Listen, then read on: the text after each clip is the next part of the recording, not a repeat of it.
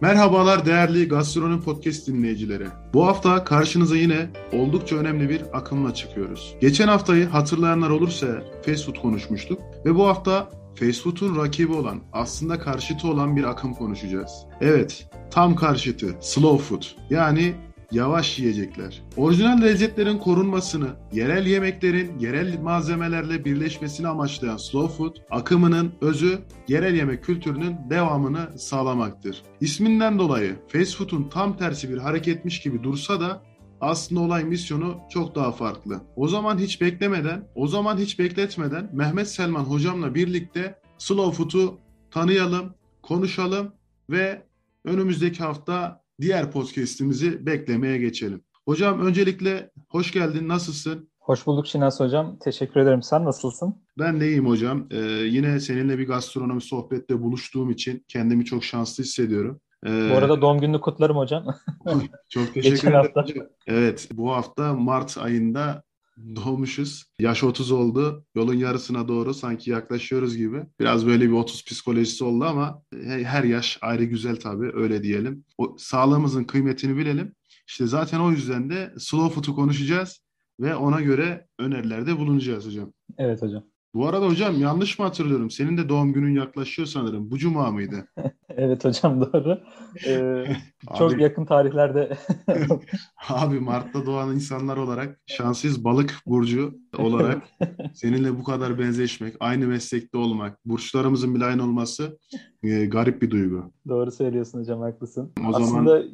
yemeğe olan ilgimiz de benzer durumda ikimizin de. Ya öyle bir de sanki şöyle gastronomi büyük bir olgu ve içerisinde birçok çeşidi var. Seninle de gastronominin içinde ilgilendiğimiz o çeşitler de benzeşiyor. Yani mesela yöresel mutfakları ikimiz de çok seviyor ve savunuyoruz. Evet, evet hocam. Yani o anlamda akım, da akımlar konusunda senin çalışmaların var, keza benim çalışmalarım var. Yani bu konuda da kafamız da uyuşuyor. Yani aslında bir, güzel bir şans oldu bizim için.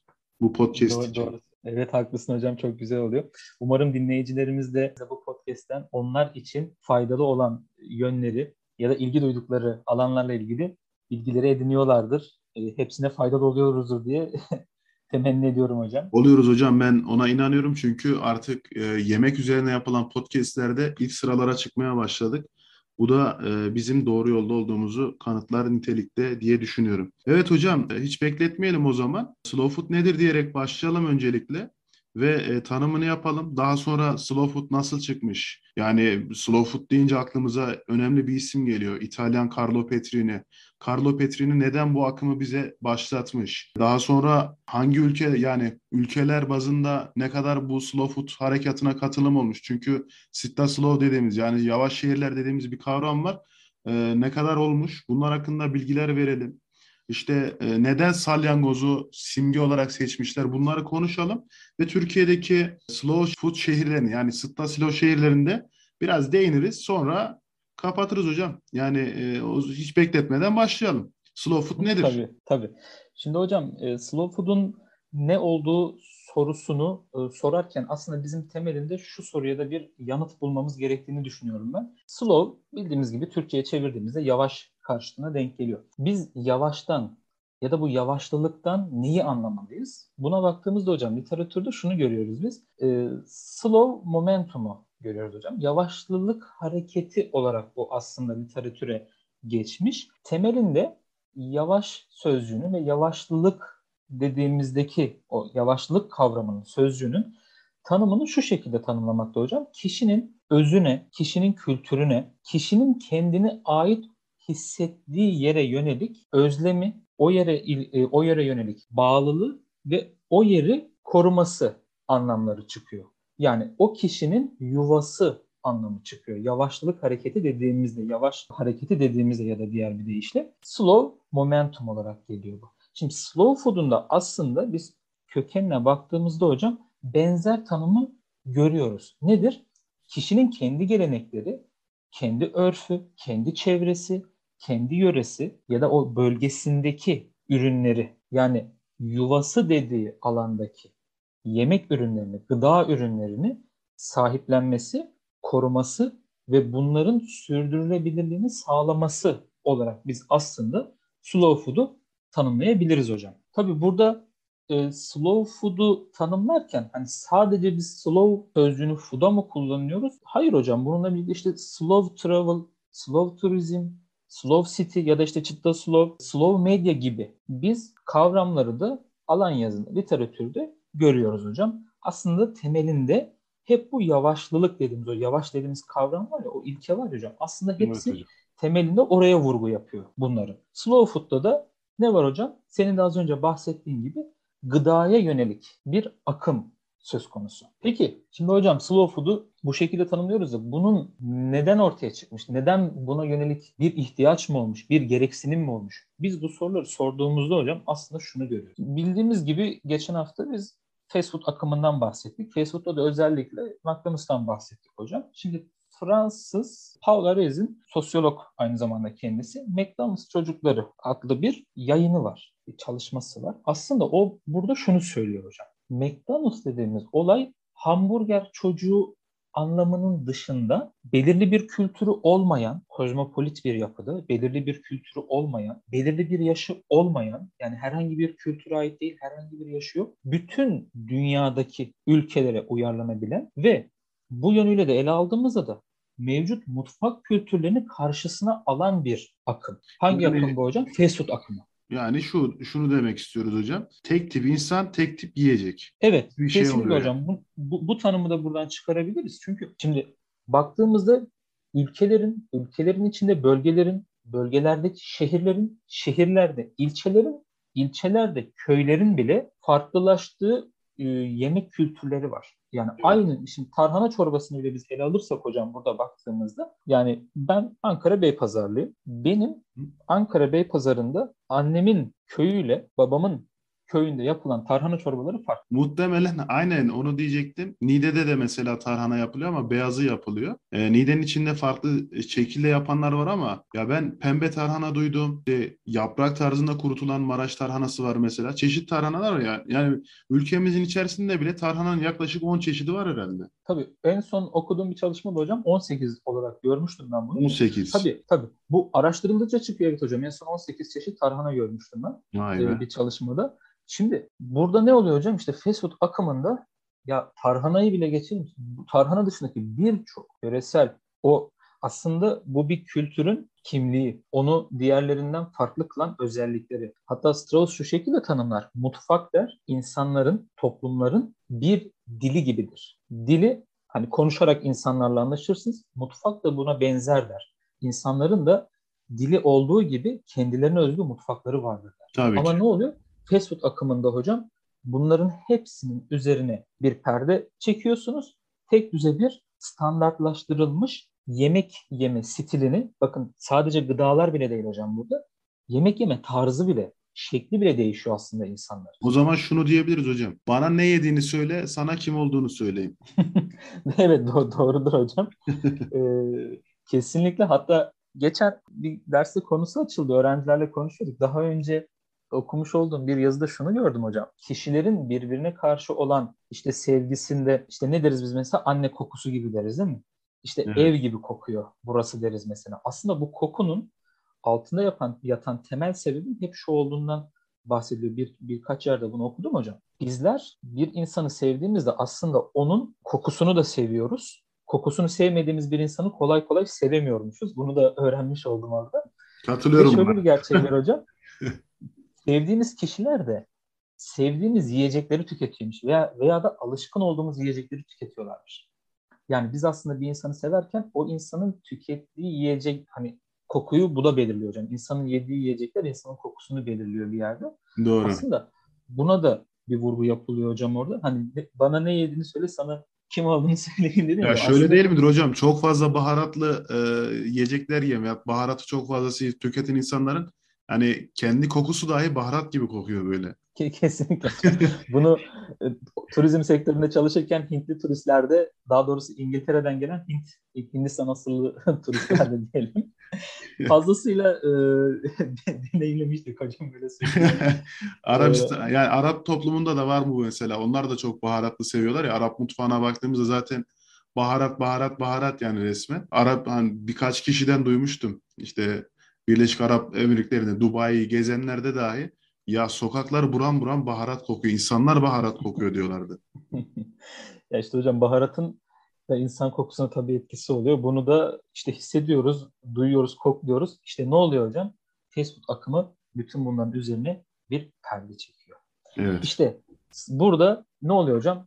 Az önce senin de bahsettiğin gibi Carlo Petrini. Evet. Başrol oyuncusu olarak biz Carlo Petrini'yi burada gösterebiliriz. Slow food, Kendisi... slow food harekatının lideri diyelim yani buna bir nebze. Evet. Evet, evet hocam. Arkadaşlarıyla birlikte toplanıyorlar ve İtalya'da açılan bir McDonald's restoranı var. Tabak içinde İtalyan makarnası fırlatarak protesto ediyorlar hocam. Açılan restoranı. Aslında tabii bu bu protestonun altında birçok sebep yatıyor. Şimdi hocam baktığımızda şunu da görüyoruz biz. Geçtiğimiz e, iki yıl ya da üç yıl öncesine kadar şu an tam tarihi hatırlayamıyorum. İtalya'da Starbucks bile yok o dönem için. E, aklımda kalan oydu. Yani şimdi mesela Avrupa kahveyi Türklerle tanıdı. Kahve Türkiye Cumhuriyeti dönemi öncesi Osmanlı döneminde üretilen ve dünyaya satışı yapılan bir bitkiydi, bir içecekti. Şimdi Avrupa belirli bir süre kahveyi hatta yasakladı. Avrupa Kilisesi yasakladı hocam. Şeytan içeceğidir diye yasakladı mesela kahveyi. Uyutmuyor Ama, diye.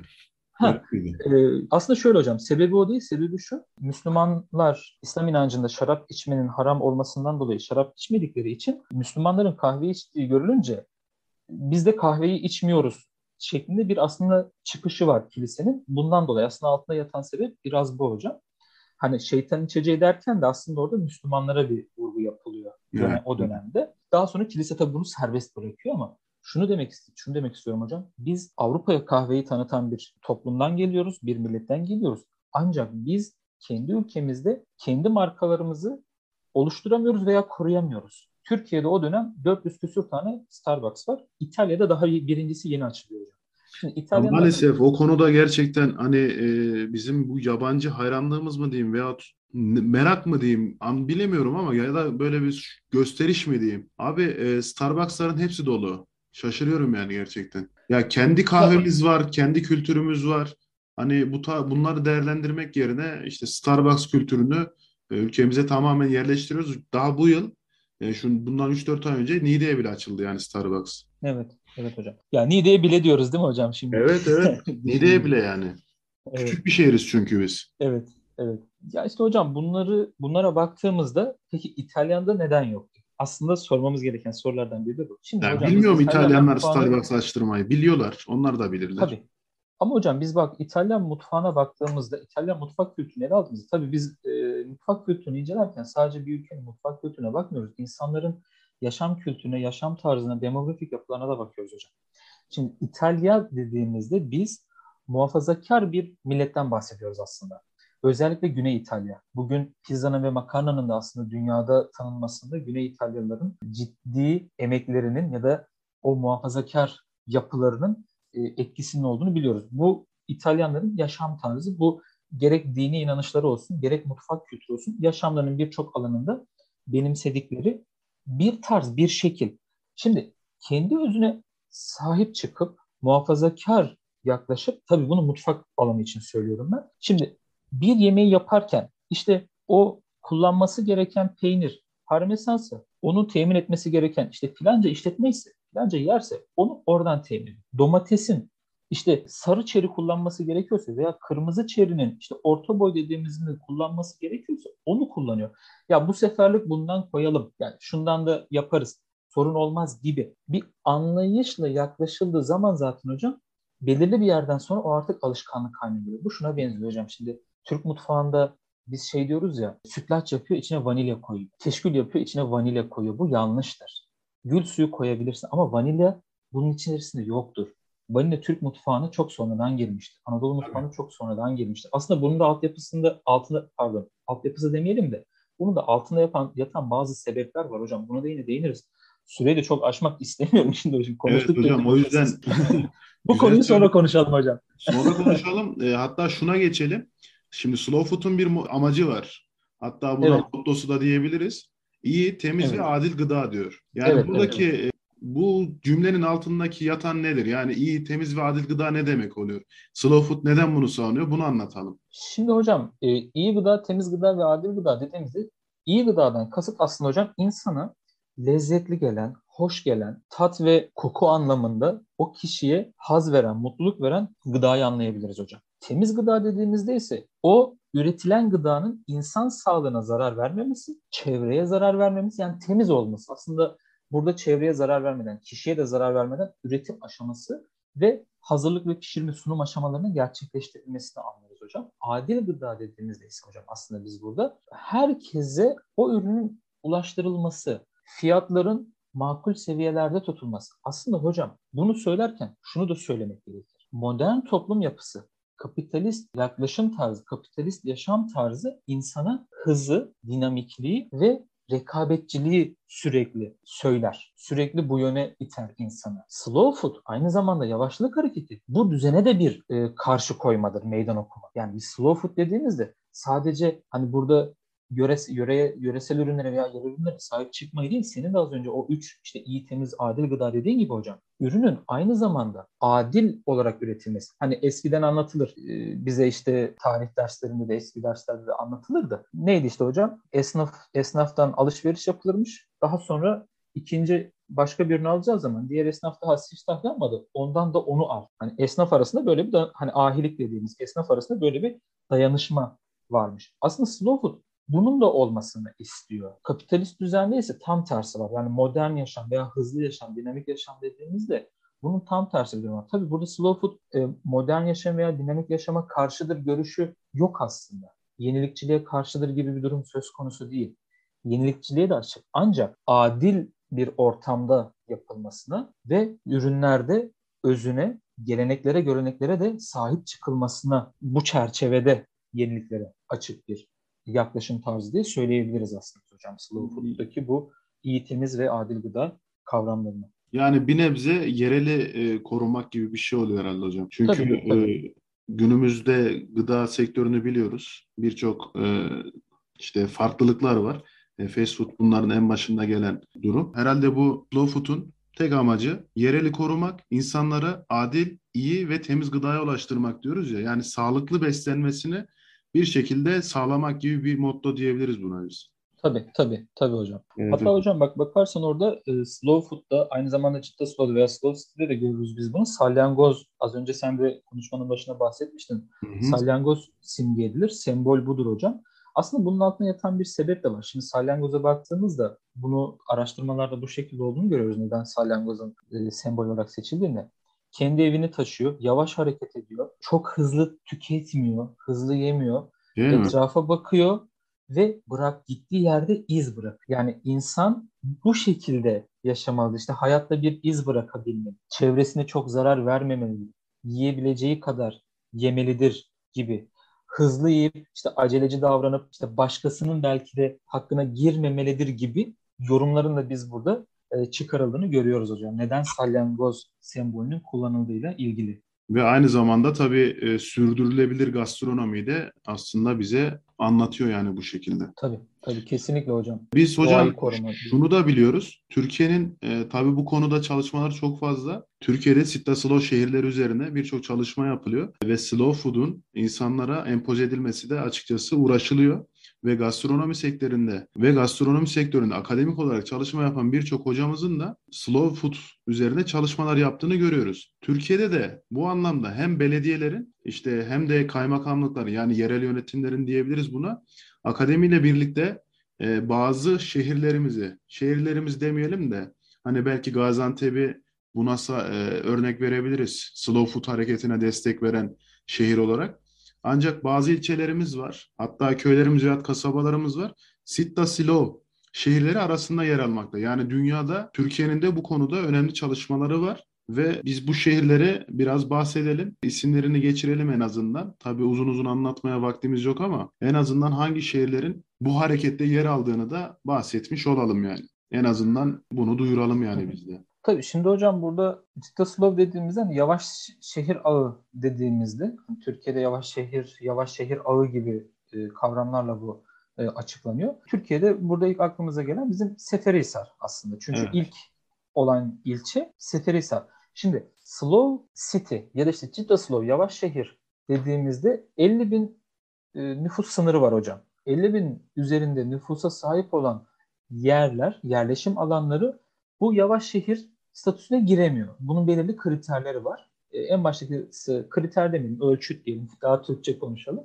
Bunun ölçütlerinden biri bu hocam. Ancak slow food dediğimizde slow food ağına giren veya slow food hareketine katılan şehirlerde hocam bu yok. Yani slow yani Gaziantep mesela slow food ağındaki bir şehir hocam. Slow food hareketine katılmıştır Gaziantep. Bununla birlikte işte Ankara'da yine slow food hareketine katılmıştır hocam. Baktığımızda işte İzmir, İzmir'de var. Aydın'da var. Şimdi buralar nüfus olarak büyük şehirler. Evet. Slow food'a dahil oluyorlar. Çünkü slow food'da e, nüfusla ilgili hani kesin böyle bir ölçüt ben yaptığım e, araştırma çalışmalarda e, bulamadım hocam daha önce de. Hı-hı. Ancak Cidda Slow'da e, ya da Slow City'de e, yavaş şehirde 50 bin sınırı var hocam. Yani her Cidda Slow'da slow food uygulanabilir ama slow food uygulanan her şehirde biz yavaş şehri uygulayamıyoruz hocam. Ama burada şu var. Buna değinmek belki daha da önemli olabilir hocam. Bu Cidda Slow hareketi yani Slow City hareketi aslına bakarsak hocam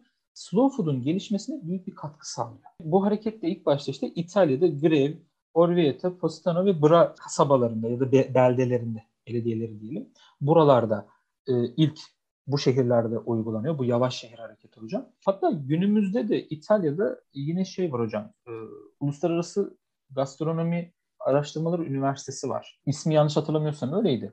Bu da yine İtalya'da yer alıyor bu üniversite. Benzer şekilde bu üniversitenin de e, slow food'la ilgili çalışmaları var hocam. Yapıyorlar. Slow food hareketinde de e, katkı sağlıyorlar araştırmalarla birlikte. Yani slow city'nin yani yavaş şehir anlayışının slow food'un gelişmesinde de hocam ciddi anlamda bir etkisi olmuştu. İşte Türk, Türkiye'den biz slow e, food'a katılan şehirlere baktığımızda en dikkat çekici şehir aslında bizde hocam Gaziantep geliyor. Bir de bu slow food hareketine ilk katılan işte Muğla, Bodrum geliyor hocam.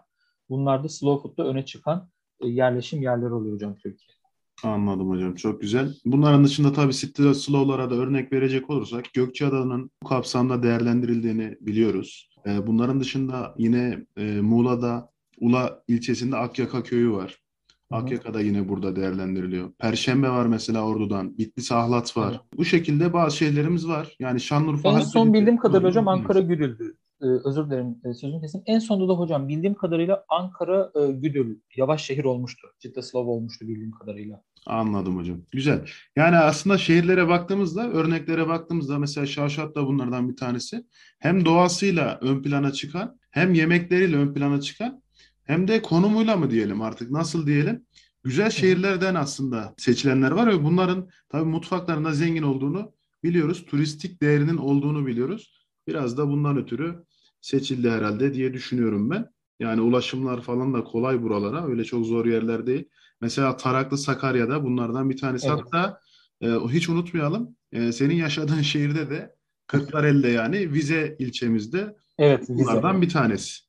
Kırklareli evet. Vize'de Sittasılo şeylerimiz arasında yer alıyor. Mutlaka Tabii. dinleyicilerimizin bu konudan konuyu dinledikten sonra ben Sittasılo şehirlerimizi araştıracaklarını ve gezi rehberlerine mutlaka yazacaklarını düşünüyorum buraları. Çünkü gerçekten gezilesi, görülesi yerler ve oralarda yiyilesi yerler. Yemekleri yiyelisi yerler. Yine çok keyifli bir konuşma oldu hocam. Yani bizim podcast'imiz böyle ezberden ziyade böyle muhabbet kapsamında ilerliyor. Gayet güzel oldu. Belki şey de diyebiliriz hocam burada. Hani slow food akımında önemli bir etkiyi de konvivyumlar oluşturuyor aslında hocam. Bakarsak. Ee, slow food'da işte örnek veriyorum işte İstanbul, İzmir, Mersin, işte Trakya'da bir Trakya hani birlikler var hocam. Üye grupları var bunların. E, binlerce dünya genelinde aslında konvivyum var. Bu bir aslında üye üye grupları da olarak bu çevriliyor hocam. Bu slow food'da yerel birlikleri oluşturuyor bunlar işte. Evet. Bunların aslında e, ciddi anlamda bir katkısı oluyor hocam. Slow food anlamında. Biraz böyle lafa araya direkt girmiş gibi oldum kusura bakma. Olsun hocam olsun. Her bilgi değerli bizim için. Tamam hocam e, o zaman bu haftayı bitirelim yine. Önümüzdeki hafta yepyeni bir konuyla yine dinleyicilerimizin karşısına çıkarız. Slow Food'u öğrenmiş, anlamış olduk. Türkiye'de nereler bu konuda çalışmalar yapıyor onları görmüş olduk. Ve Slow Food hakkında değerli bilgilere sahip olmuş olduk. Ben teşekkür ediyorum hocam. Ağzına sağlık. Sloganımızı da söyleyerek podcast'imizi kapatalım diyorum. Lezzetli dinlemeler. Evet, lezzetli dinlemeler sevgili dinleyicilerimiz.